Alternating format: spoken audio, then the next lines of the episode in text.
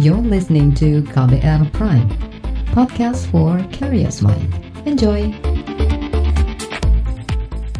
Selamat pagi saudara, kembali kami menjumpai Anda melalui program Buletin Pagi KBR edisi Jumat 1 Mei 2020 bersama saya Don Brady. Kami telah menyiapkan sejumlah informasi terkini, di antaranya peringati May Day, buruh desak pembatalan RUU Omnibus Cipta Kerja. Presiden minta kartu prakerja diprioritaskan bagi korban PHK. Ribuan pengusaha di Loksomawe gulung tikar. Inilah Buletin Pagi selengkapnya. Terbaru di Buletin Pagi. Saudara para buruh terus menyuarakan desakan kepada pemerintah dan DPR untuk membatalkan pembahasan rancangan Undang-Undang Omnibus Cipta Kerja, terutama pada peringatan Hari Buruh Sedunia atau May Day hari ini. Ketua Forum Buruh Lintas Pabrik Jumisi menilai sikap pemerintah menunda pembahasan RUU Omnibus Cipta Kerja tidak ubahnya sogokan kecil bagi buruh untuk meredam protes. Ia tetap mendesak pemerintah untuk menarik usulan RUU Omnibus Cipta Kerja yang dinilai merugikan kaum buruh. Itu hanya sogokan kecil yang disebutkan oleh Presiden untuk rakyat. Eh, kenapa saya bilang sogokan kecil? Karena sebetulnya itu adalah pengalihan dari tuntutan uh, utama kita. Kan tuntutan utama kita bukan ditundanya kluster ketenagakerjaan. Tuntutan utama kita adalah bagaimana RUU Omnibus Cipta Kerja ini betul-betul dihentikan pembahasannya jangan dilanjutkan lagi karena secara substantif isinya merugikan buruh dan merugikan rakyat. Itu tadi Jumisih yang juga menjadi Ketua Umum Konfederasi Persatuan Buruh Indonesia atau KPBI.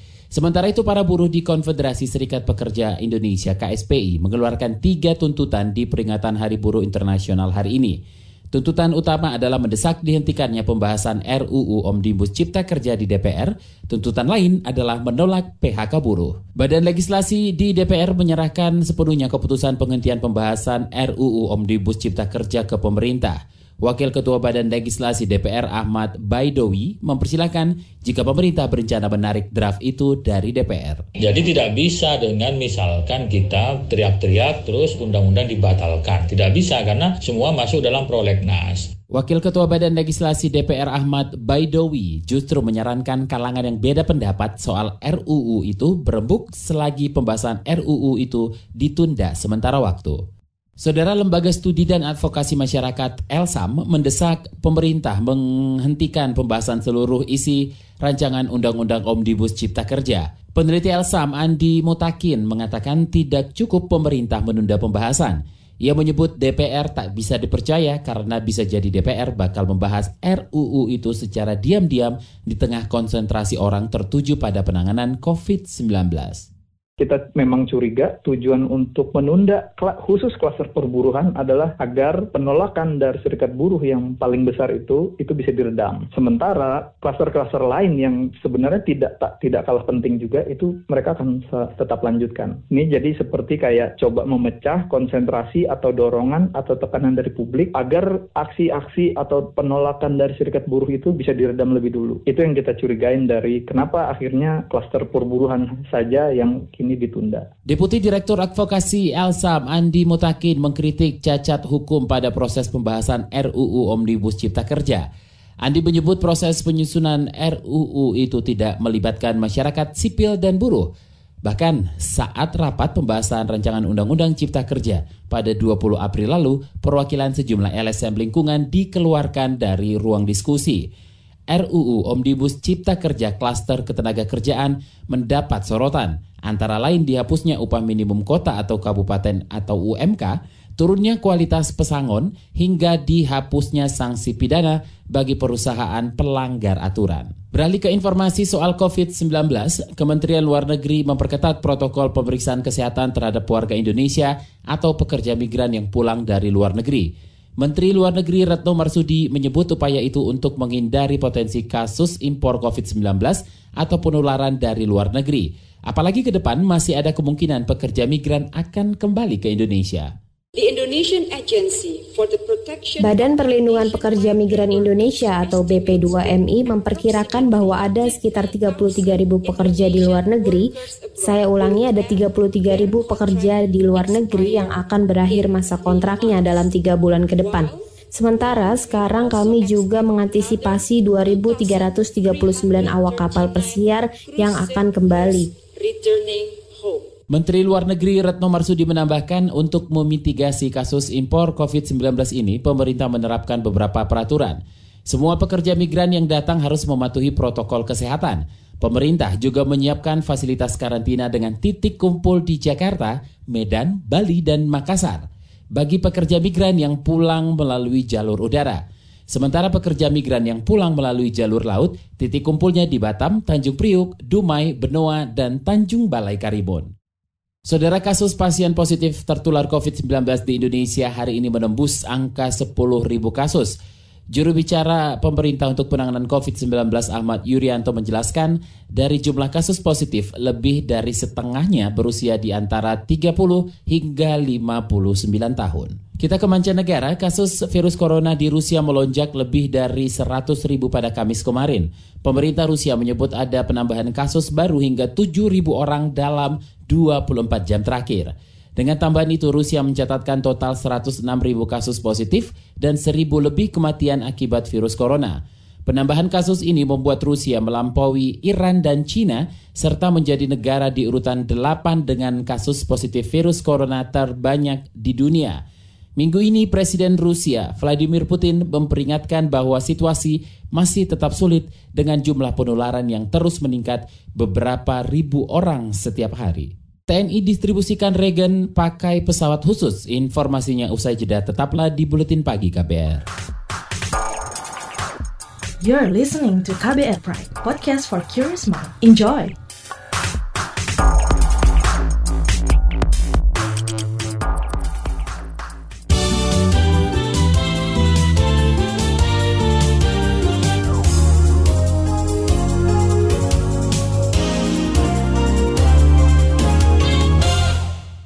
Saudara, Presiden Joko Widodo memerintahkan para menterinya memprioritaskan program Kartu Prakerja bagi korban pemutusan hubungan kerja atau PHK. Dari informasi yang diterima Jokowi, saat ini ada sekitar 1 juta orang telah dirumahkan atau kena PHK. Dari jumlah itu, 375 ribu merupakan pekerja formal dan 315 ribu merupakan pekerja informal. Bagi pekerja yang dirumahkan atau korban PHK, saya minta diberikan prioritas untuk mendapatkan kartu prakerja. Informasi terakhir yang saya terima yang mendaftar untuk kartu prakerja sudah 8,4 juta. Padahal jatahnya hanya untuk 5,6 juta. Sehingga sekali lagi untuk korban PHK agar diberikan prioritas. Presiden Joko Widodo mengklaim pemerintah telah menjalankan stimulus ekonomi bagi perusahaan seperti pembebasan pajak. Itu dilakukan agar perusahaan tetap stabil saat masa pandemi dan tidak ada lagi PHK massal. Jokowi menambahkan stimulus ekonomi bagi pekerja formal berupa insentif pajak, relaksasi pembayaran BPJS, hingga keringanan pembayaran kredit pinjaman juga mulai diberikan. Kebutuhan anggaran untuk bantuan sosial langsung bagi masyarakat di kawasan Jakarta dan sekitarnya yang terdampak pembatasan sosial berskala besar atau PSBB mencapai 3,4 triliun rupiah. Menteri Keuangan Sri Mulyani Indrawati mengakui untuk wilayah di DKI Jakarta belum semua warga terdampak COVID-19 mendapat bantuan sosial langsung. Bansos khusus untuk DKI dalam bentuk sembako ini telah disalurkan untuk 210.663. Ini yang menjadi salah satu sumber munculnya berita. Karena targetnya 1,3, tapi minggu pertama baru disalurkan tidak lebih dari 210 ribu. Jadi memang pasti ada yang merasa saya mestinya dapat, tapi belum dapat. Karena ini tadi kapasitas untuk menyalurkan ternyata sangat-sangat terbatas. Menteri Keuangan Sri Mulyani Indrawati menambahkan Presiden Joko Widodo sudah mengevaluasi prosedur distribusi bansos tersebut. Untuk DKI Jakarta dengan target penerima bansos sebanyak 1,3 juta kepala keluarga membutuhkan anggaran sebesar 2,34 triliun rupiah. Sementara itu untuk Bogor, Depok hingga Bekasi dengan target penerima 600 ribu keluarga membutuhkan dana sebesar 1,8 triliun rupiah. Ratusan ribu perusahaan mulai kepayahan menopang keuangan internal akibat pandemi COVID-19. Lebih dari 110 ribu perusahaan di tanah air mulai meminta keringanan kewajiban termasuk iuran jam sostek. Menteri Koordinator Bidang Perekonomian Erlangga Hartarto mengatakan relaksasi iuran akan diberikan bagi perusahaan yang tidak melakukan PHK. Tentunya eh, yang mendaftar tadi yang disampaikan oleh Ibu Menteri Tenaga Kerja tadi ada jumlah yang meminta untuk penundaan iuran BPJS ketenaga kerjaan. Terhadap mereka yang meminta penundaan BPJS, nanti sejumlah 116.705 perusahaan itu dipersyaratkan bahwa relaksasi jam sostek itu diberikan kalau mereka tidak melakukan PHK. Menko Perekonomian Erlangga Hartarto menambahkan dari permintaan relaksasi itu, pemerintah menghitung setidaknya ada total iuran yang ditunda sekitar 12,3 triliun rupiah. Angka itu terdiri dari penundaan iuran jaminan kecelakaan kerja, jaminan kematian hingga penundaan iuran jaminan pensiun. Erlangga mengatakan akan menindaklanjuti permintaan relaksasi. Aparat TNI turun tangan membantu mendistribusikan bahan kimia regen ke 29 provinsi di Indonesia. Bahan kimia regen itu untuk pemeriksaan spesimen orang-orang yang diduga tertular COVID-19. Wakil Asisten Operasi Panglima TNI Jori S. Kolai mengatakan pemerintah mengirim 67 ribu regen PCR menggunakan sejumlah pesawat TNI. Sudah mulai didistribusikan untuk regen PCR dan RNI itu untuk distribusi ke sembilan provinsi hari ini sudah yaitu regen PCR ada berjumlah 67 ribu pieces. Kemudian regen RNA itu ada 92.500 kemudian untuk daerah-daerah lain juga rata-rata ada di 25 ribu sampai dengan 40 ribu APD dalam pengirimannya. Wakil Asisten Operasi Panglima TNI Jori S. Kolai mengatakan pemerintah juga akan mengirimkan APD ke daerah-daerah dan Jori mengklaim kebutuhan alat kesehatan penanganan COVID-19 terpenuhi. Beralih ke informasi ekonomi, sekitar 120 triliun rupiah dana asing keluar dari aset surat utang pemerintah akibat wabah COVID-19. Menteri Keuangan Sri Mulyani Indrawati mengatakan selain dana asing keluar, wabah COVID-19 juga mempengaruhi nilai tukar rupiah dan pergerakan indeks harga saham gabungan atau IHSG di tanah air. Akibat menjalannya pandemik ini, telah menyebabkan reaksi yang sangat irasional di sektor keuangan. Arus modal keluar dari emerging market itu mencapai 100 billion US dollar atau 0,4 persen GDP. Untuk Indonesia, eh, kami surat berharga negara didam oleh pemilik asing sampai lebih dari 120 triliun pada bulan Maret sendiri. Menteri Keuangan Sri Mulyani menambahkan dampak kaburnya dana asing membuat kondisi surat perharga negara atau SBN tertekan cukup parah. Hal itu memaksa Bank Indonesia mengeluarkan kebijakan untuk menolong nilai tukar rupiah agar tetap berada dalam kondisi baik di tengah gejolak ekonomi global. Laporan khas KBR tentang terapi plasma darah harapan baru pasien COVID-19 akan hadir usai jeda tetaplah di Buletin Pagi KBR. You're listening to KBR Pride, podcast for curious mind. Enjoy!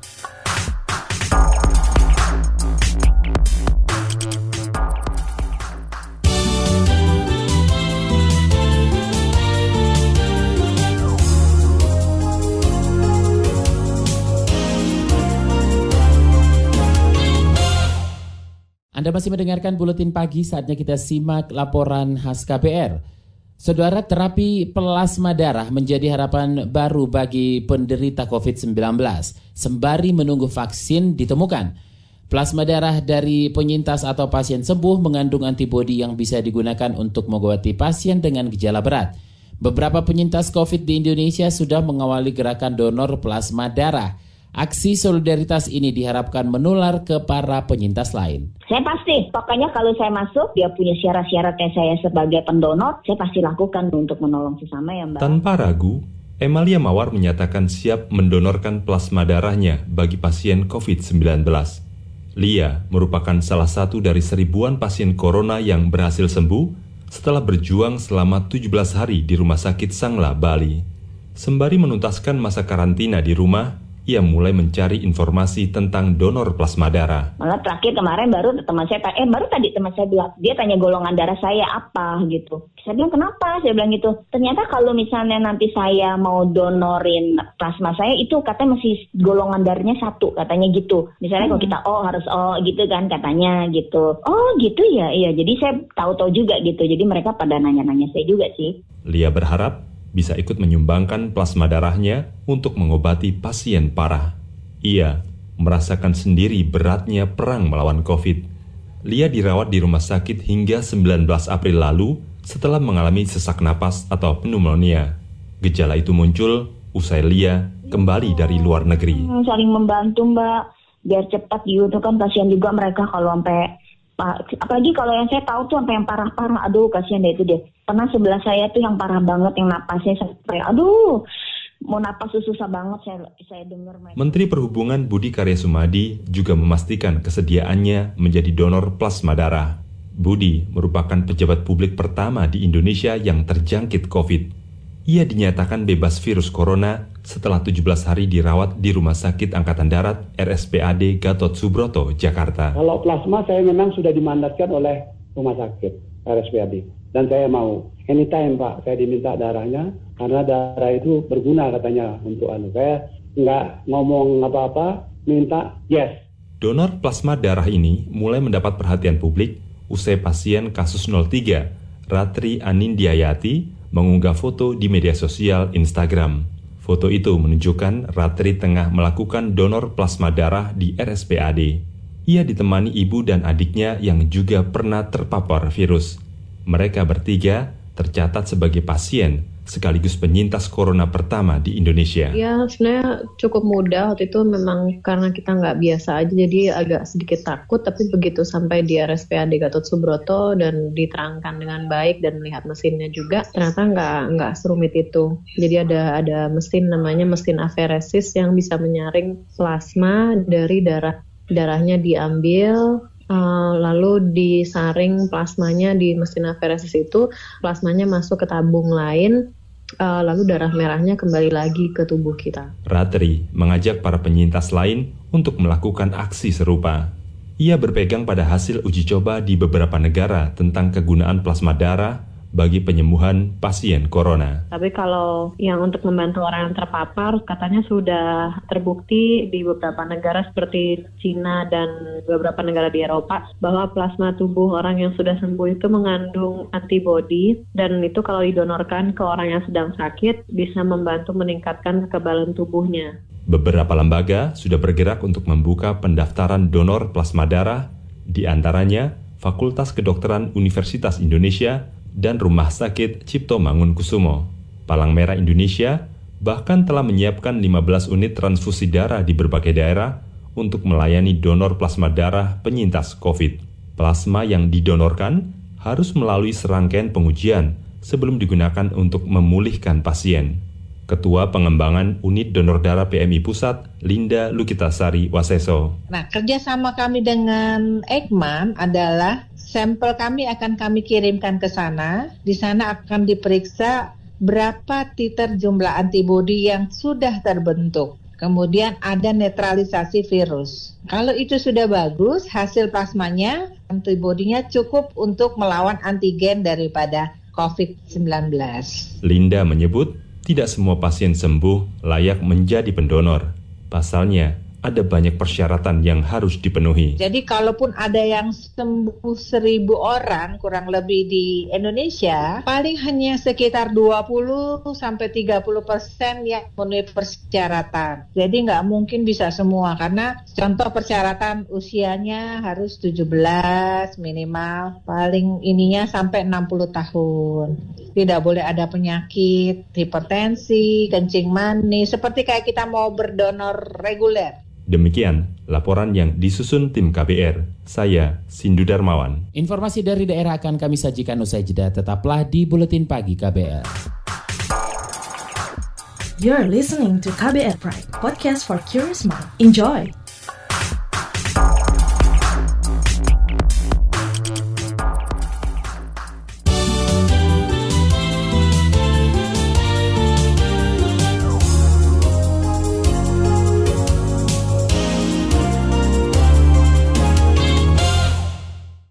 Inilah bagian akhir buletin pagi KBR. Kita ke Aceh, ribuan pelaku usaha di Lok Semawe bangkrut akibat pandemi COVID-19. Ketua Kamar Dagang dan Industri Kadin Lok Semawe, Husaini Setiawan mengatakan usaha yang gulung tikar didominasi sektor industri jasa konstruksi dan bangunan hingga pedagang. Ini memang COVID ini luar biasa ya, bukan saja berlaku di Lok Semawe seperti hari ini, seluruh dunia hancur semua berantakan tidak ada bergerak, tidak ada bergerak ekonomi karena kenapa? Tidak bisa bergerak pengusaha. Ini hampir 75 persen yang bertahan yang ekonomi menengah ke atas. Ketua Kadin Lok Sumawe Husaini Setiawan memperkirakan pelaku dunia usaha akan terus terjepit selama belum berakhirnya masa tanggap darurat COVID-19. Meski begitu, ia mengimbau kepada pelaku dunia usaha untuk tidak melakukan pemutusan hubungan kerja atau PHK di tengah masa tanggap darurat. Kita ke Jakarta, Badan Penanggulangan Bencana Daerah BPBD DKI Jakarta memastikan protokol COVID-19 tetap berlaku saat penanganan pengungsi akibat banjir.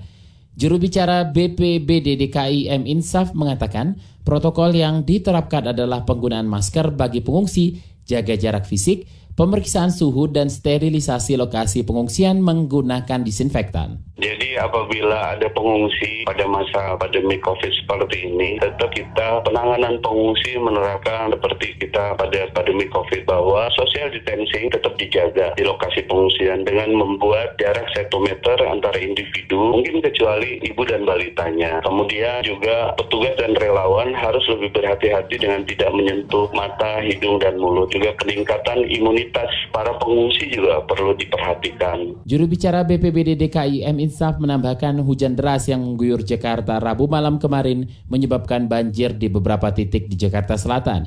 BPBD DKI Jakarta memastikan tidak ada pengungsi akibat banjir kali ini. Saudara Korps Lalu Lintas Korlantas Polri memberikan keringanan dalam kebijakan larangan mudik untuk alasan darurat.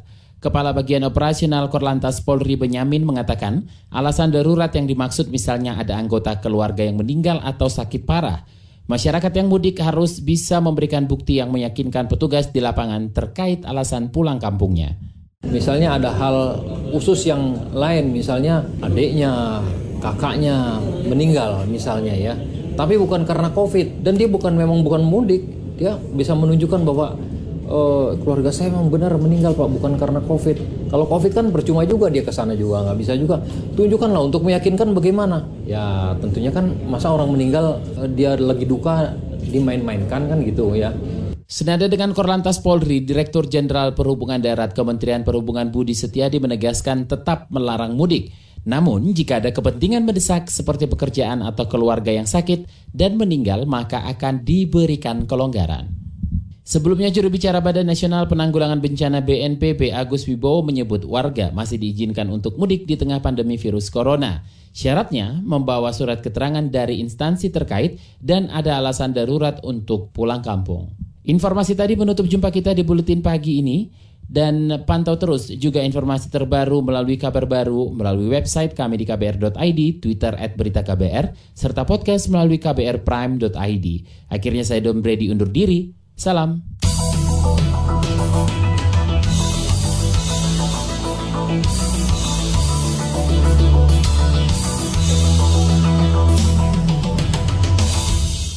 KBR Prime, cara asik mendengar berita. KBR Prime, podcast for curious mind.